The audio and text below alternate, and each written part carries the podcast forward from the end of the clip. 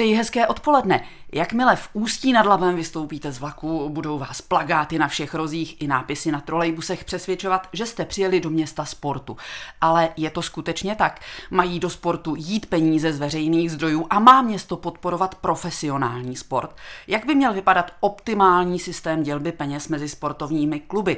O tom dnes s Janem Čalounem, olympijským vítězem z Nagána, bývalým trenérem ústeckého Slovanu, který tvrdí, že 55 milionů ročně na sport v krajském městě je málo.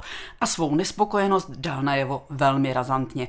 I se syny, kteří hrají hokej, odešel trénovat do Německa. Hokejista, který už v 17 nastupoval za extraligový Litvínov a má bohaté zkušenosti s mezinárodním hokejem, je dnes naším hostem. Hezké odpoledne. Hezké odpoledne. Proč by mělo město podporovat profesionální sport?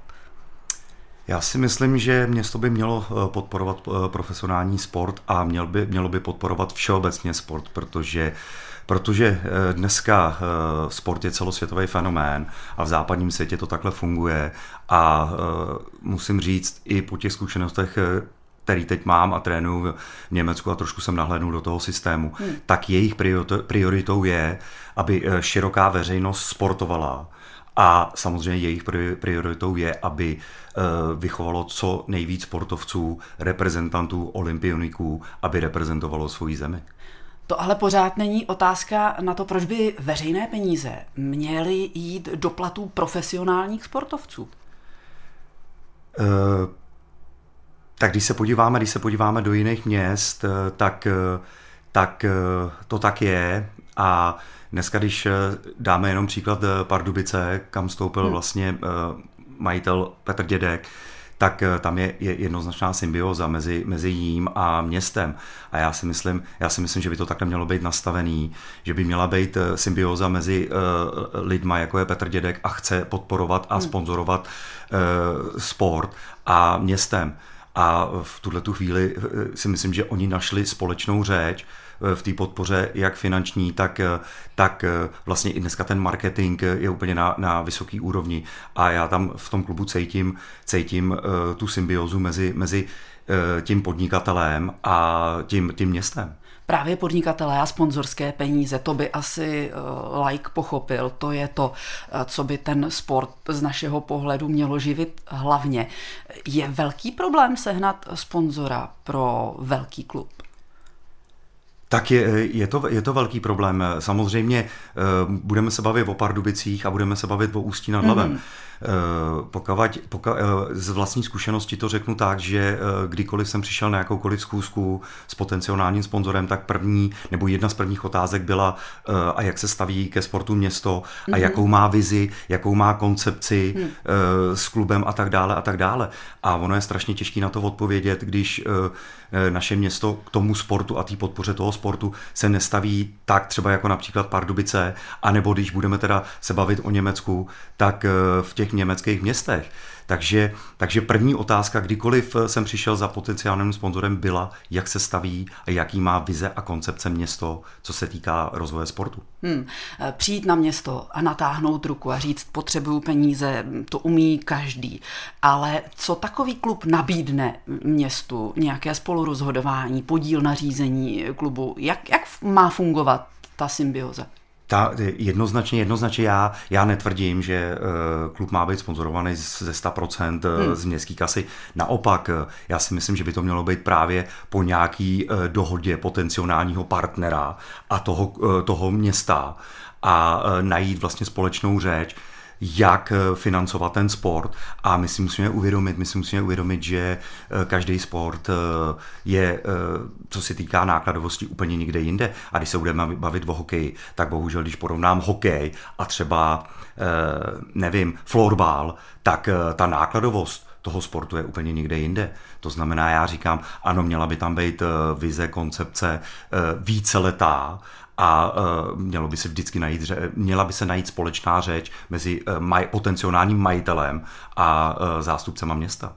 Je součástí té společné řeči ta nabídka toho, že město bude moci ovlivňovat to, jak klub s penězi, které od něj dostane, naloží, na co je použije, kam je nasměruje? My jsme pod jasným drobnohledem, kam vlastně peníze jdou a veškerý peníze, které vlastně my dostáváme od města, my musíme řádně profinancovat. A samozřejmě máme i kontroly z města takže, takže eh, město jednoznačně ví, jak nakládáme s penězi a kam jdou peníze.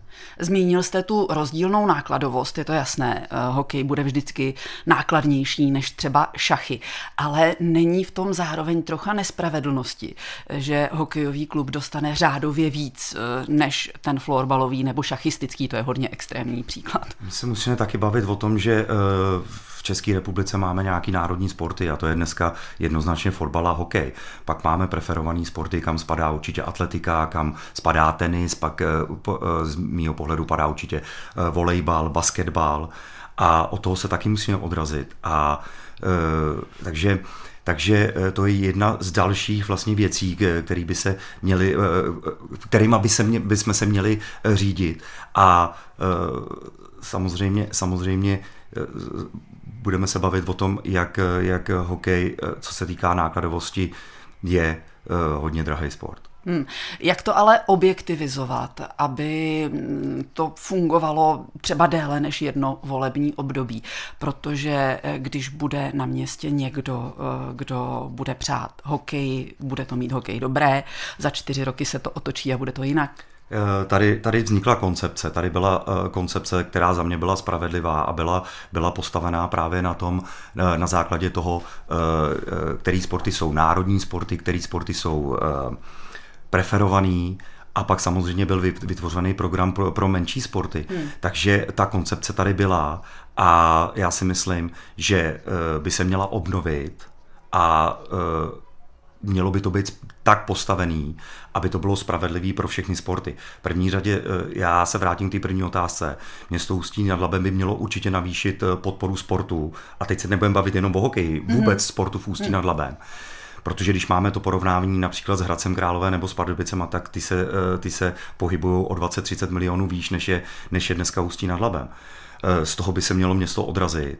Druhá věc je, si myslím, že by měla, měla by být neobnovena, ona je sportovní komise, ale dneska ve sportovní komisi uh, sedí lidé, kteří nemají se sportem vůbec nic společného a v podstatě rozhodují o tom, o čem my se tady bavíme. A to je špatně. Já si myslím, že ta je to sportovní komise, hmm. tak jednoznačně by tam měli sedět zástupci preferovaných národních sportů, preferovaných sportů. Ale pod tím by tam ještě měli sedět zástupci právě těch menších sportů. A každý by si měl říct ty svoje potřeby. A z toho by se mělo vlastně v té koncepci odrazit, jak ty peníze budou rozdělovaný. Hmm. Uh, profesionální sport, to je vždycky až ten vrcholek té sportovní uh, pyramidy. Pod ním by ale měla být ta masivní základna dětského, mládežnického sportu, to bohaté podhoubí, ze kterého ti profesionálové vyrůstají. Pamatujete si, jak bylo organizované hokejové vzdělávání, když vy jste začínal? Tak eh, tam byla jasná symbioza mezi školou a klubem. My, my jsme vlastně chodili na sportovní školy a byli jsme, měli jsme vlastně přizpůsobený, rozvr, přizpůsobený rozvrh k tomu, aby jsme mohli trénovat i ve školních hodinách, co dneska, eh, dneska stále funguje, ale není to, není to tak, jak to bylo za té doby eh, našeho mládí. A dneska mám i trošičku porovnání třeba, jak to funguje v Německu, eh, kde je vlastně v Drážďanech pro ty všechny sporty. Je sportovní gymnázium a každý ten sport v tom obrovském sportovním gymnáziu má svoje zastoupení, svoje místa. A e, musím říct, e, protože jsem se setkal i s učitelama těch škol, s, ředitele, s ředitelem nebo s ředitelkou té školy a nahlídnul jsem do toho systému a já si myslím, že, že nechci říct, že je dokonalý ten systém, ale je ten systém nastavený právě tak, aby co největší masa těch dětí sportovala. No a samozřejmě pak Eh, ta nadstavba toho, že my chceme vychovat přece z těch, eh, z těch eh, talentovaných dětí ty reprezentanty a ty olympioniky, aby reprezentovali naší zemi. Český rozhlas Sever, o čem se mluví? Byli jste bohatí? Řešilo se u vás doma, jestli máte na to, abyste vy mohl hrát hokej? My jsme bohatí určitě nebyli, protože protože eh, žili jsme v době socialismu a komunismu a eh, já musím ještě zmínit to, že bohužel já jsem eh, přišel o svého otce už ve 14 letech, hmm. takže na všechno zůstala vlastně máma, máma sama. Tenkrát musela jít eh, pracovat na šachtu, vlastně, aby, aby vlastně zvládla nás uživit se sestrou a, a zároveň, zároveň aby mi vytvářela podmínky pro to, abych právě třeba mohl působit v tom Litvínově, odkud jsem přestoupil s Ústí nad Labem. Ale na druhou stranu, na druhou stranu musím zase říct, že klub, eh, nebo litvínovský klub eh, tenkrát v podstatě eh, jsme fasovali brusle, výstroj, takže ten klub byl v tomhle nápomocný. Jenže to bývávalo. Dneska by asi matka samoživitelka těžko udržela svého syna na hokeji. Eh, s tímhle tím souhlasím, na druhou stranu, na druhou stranu ano, eh, budeme se bavit o tom, že hokej je drahý sport, nákladný sport, ale zase můžeme se bavit o tom, že je to všechno o rodičích. Jo, já tady teď nespochybnuju, že, že to není, že to je jednoduchý eh, vychovávat a, a vlastně oblíkat a kupovat brusle pro, pro uh, mladý hokejisty. Na druhou stranu dneska uh, se dají koupit brusle za 15 tisíc, což třeba bohatý rodiče pro svoje děti dělají, ale dají se taky koupit uh, pořád brusle za 3, 4, 5 tisíc, když se bavíme o dětech. Hmm. Jo. Takže je tam ten velký rozdíl, je to jenom o tom, jak jak chceme rozmazlovat nebo nerozmazlovat eh, to svoje dítě. A druhá věc je to, že eh, existují burzy, protože dneska ty děti, že, nebo ne, dneska děti přirozeně rostou a mají třeba brusle na jeden rok hmm. a ty brusle po jednom roce určitě nejsou ve stavu, že by si je mohl odkoupit uh, po roce třeba mladší, mladší dítě nebo rodič pro mladší dítě. Takže pořád se dá hledat systém, systém jak ušetřit v tomto směru. No a samozřejmě my třeba dneska na Slovanu máme k dispozici výstroje, výzbroje pro začínající děti, který si jdou vyzkoušet a do toho začátku, do toho začátku jsme schopni nějakým způsobem v tomto směru pomoct. A to jsme malý klub. Hmm. jsme malý klub. Dá se uh, konkrétně vyčíslit, kolik stojí rodinu jedna hokejová sezóna takového, já nevím, desetiletého děcka? To, to, to se strašně špatně vyčísluje, protože znovu odpovídám na to, ano, eh, rodina nebo eh, táta může koupit dítěti brusle hmm, hmm. za 15 tisíc. A tak takový za... ten průměr, když nepůjdeme do extrému. Tak já kupuju, když, když to řeknu, tak kupuju pro svoje kluky brusle, já nevím, za 4-5 tisíc Eh, kupuju hokejky klukům za 4, za 4-5 tisíc, eh, platíme nějaký příspěvky. Já si myslím, že eh, ta, ta sezona nás vyjde, nás vyjde za jednoho kluka na nějakých 15 tisíc korun. Mám dva kluky teda. Jasně. Řešil jste někdy příběh toho, že máte talentovaného kluka, kterému ale mm, prostě došly peníze, kterého ta rodina podporovat nemůže. Je to řešitelné?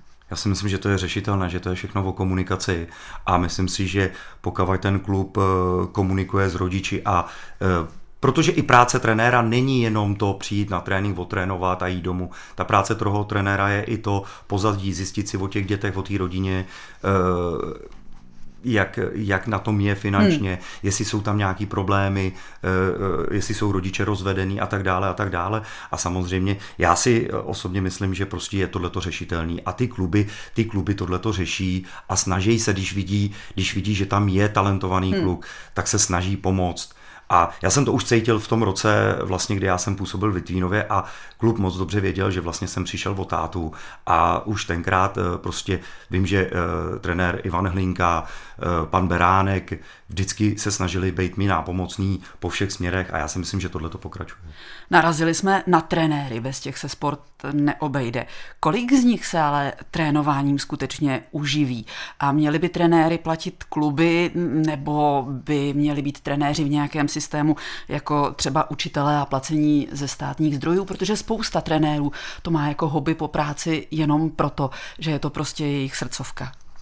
Uh, ano, pojďme se taky bavit o tom, uh, do, kdy vlastně nastupuje trenér a kdy, kdy trenér je v podstatě učitel. Uh, v těch prvopočátcích do nějakého 10. 11. roku trenér není úplně trenér, ale je to pedagog, je to vlastně, dá se říct, učitel, protože eh, vy ty děti seznamujete s tím sportem, vy je v podstatě učíte a vy je neučíte jenom přijít na ten trénink, ale všechno, co, všechno, eh, co souvislí kolem toho sportu, to znamená docházka, omluvit se na ten trénink a tak dále a tak dále. Takže do určitého věku ten trenér není trenér, ale je to učitel, je to pedagog.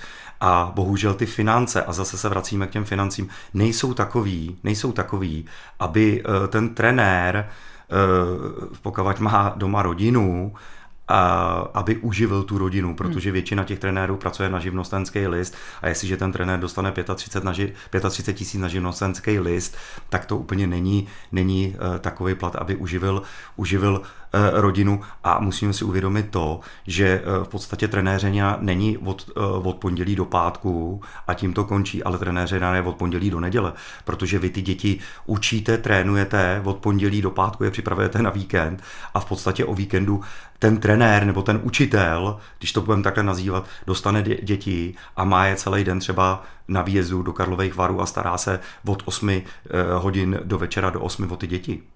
Jak to tedy nastavit tak, aby to fungovalo? Je to pořád jenom o těch penězích, o tom, že konkrétně v Ústí 55 milionů je málo a kdyby jich bylo 80, stačilo by to a pokrylo by to i tyhle náklady?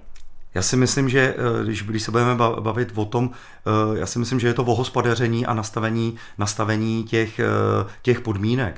Já pořád říkám to, aby my jsme vychovávali mladou generaci sportovců a nebudeme se bavit jenom o hokejistech, tak musíme mít kvalitní učitelé, musíme mít kvalitní pedagogy a potažmo kvalitní trenéry. Protože kdo je budoucnost této země? Jsou to děti, je to mládež. A pokud ty trenéři nebudou zaplacený, tak, tak se tak ty trenéři se tomu nebudou věnovat tak, jak by se tomu věnovat měli. Na druhou stranu já si strašně vážím lidí a ty lidi potkávám, který prostě chodí do práce a jdou po té práci se věnovat těm dětem a e, možná jim předávají předávaj i víc zkušeností a víc toho, toho, e, toho vzdělání sportovního, než třeba některý trenéři, kteří jsou placený. Cílem by určitě mělo být eh, sportování pro všechny, nebo pro co nejširší eh, okruh dětí, aby se všechny seznámili s nějakou sportovní aktivitou, všechny si přičichli k tomu, co sport obnáší. Jak to ale zařídit? Zmiňoval jste Německo. Jak to tedy funguje tam? A tady se vracíme právě k těm podmínkám, které tady v Ústí nad Labem jsou a já pořád si stojím za názorem, že Ústí nad Labem není město sportu a řeknu vám další důvod. Měst, měst, městu Ústí nad Labem chybějí sportoviště, masivní sportoviště. Dneska, když se podíváme do města Ústí nad Labem, tak dneska tady máme uh, Slunetu, což je úplně super, ale vy, vybudovala, uh, vlastně Slunetu vybudovala soukromá osoba. Mm-hmm. Já pokládám otázku, co postavilo, vybudovalo město na to právě, o čem se tady teď bavíme, a to je ten všestranný a všeobecný rozvoj a masovost, uh, masovost, jak přilákat uh, děti ke sportu, protože ty děti na začátku musí ochutnat všechno. Eh, všechno. Tady se bavíme o té všestranosti. No a pak, pak postupně ty děti si vyberou, vyberou a začnou se specializovat na ten daný sport, ale bohužel v Ústí nad Labem nejsou ty podmínky. A pojďme se bavit chvilku o zimním stadioně, který eh, dobře, když se podíváme na zimní stadion a vejdeme do zimáku, tak si řekneme, aha, tady se hraje hokej, jsou tady tribuny, je tady ledová plocha, ale to je až až ten vrchol té hmm. přípravy. Zimní stadion dneska Ústí nad Labem nemá gymnastický sál, nemá tělocvičnu, nemá vůbec žádný zázemí pro ten všeobecný rozvoj a všestranný rozvoj, který děti potřebují v prvopočátcích. Dostali jsme se zpátky k hokeji a já bych na hokej napasovala tu závěrečnou otázku. Eh, neustále se točíme kolem veřejného zájmu, mm, který bez sporu je založen na tom, že děti by měly sportovat v co největší eh, míře zároveň, ale ten sport od určité úrovně začíná tlačit jenom na výsledek a jenom na kvalitu. Není to v rozporu? Eh, chceme, aby sportovalo co nejvíc dětí, ale zároveň ten prostor a ty peníze eh, dáváme jenom těm nejlepším, ze kterých pak budou eh, ti noví jágrové? Tak eh, já si myslím, že svým způsobem to svým způsobem máte pravdu, protože pak přichází ta doba, kdy, kdy chceme vychovat ty nejlepší sportovce, ale na druhou stranu ten sport tu generace vychovává pro život Ne všichni budou ty Jágrové, ne všichni budou ty Ručinský, ale na druhou stranu, ten sport vás vychovává pro život, protože dneska, když se podíváme, tak mladá generace žije nějaký svůj svět na sociálních sítích a myslím si, že je to špatná, špatná, je to špatný směr, když se podíváme na eh, na veškeré zprávy, které dneska dostáváme, a to je to, kolik, kolik máme nemocných dětí, že chybí léky a tak dále a tak dále, tak jenom tadyhle ten sport a ta všeobecná základna, co nejvíc těch dětí přelákat na ten sport, to je základ proti tomu, aby nám v budoucnu nechyběly léky. Říká hokejista Jan Čaloun, který byl dnes hostem pořadu O čem se mluví. Děkujeme. Děkuji a přeji hezký odpoledne.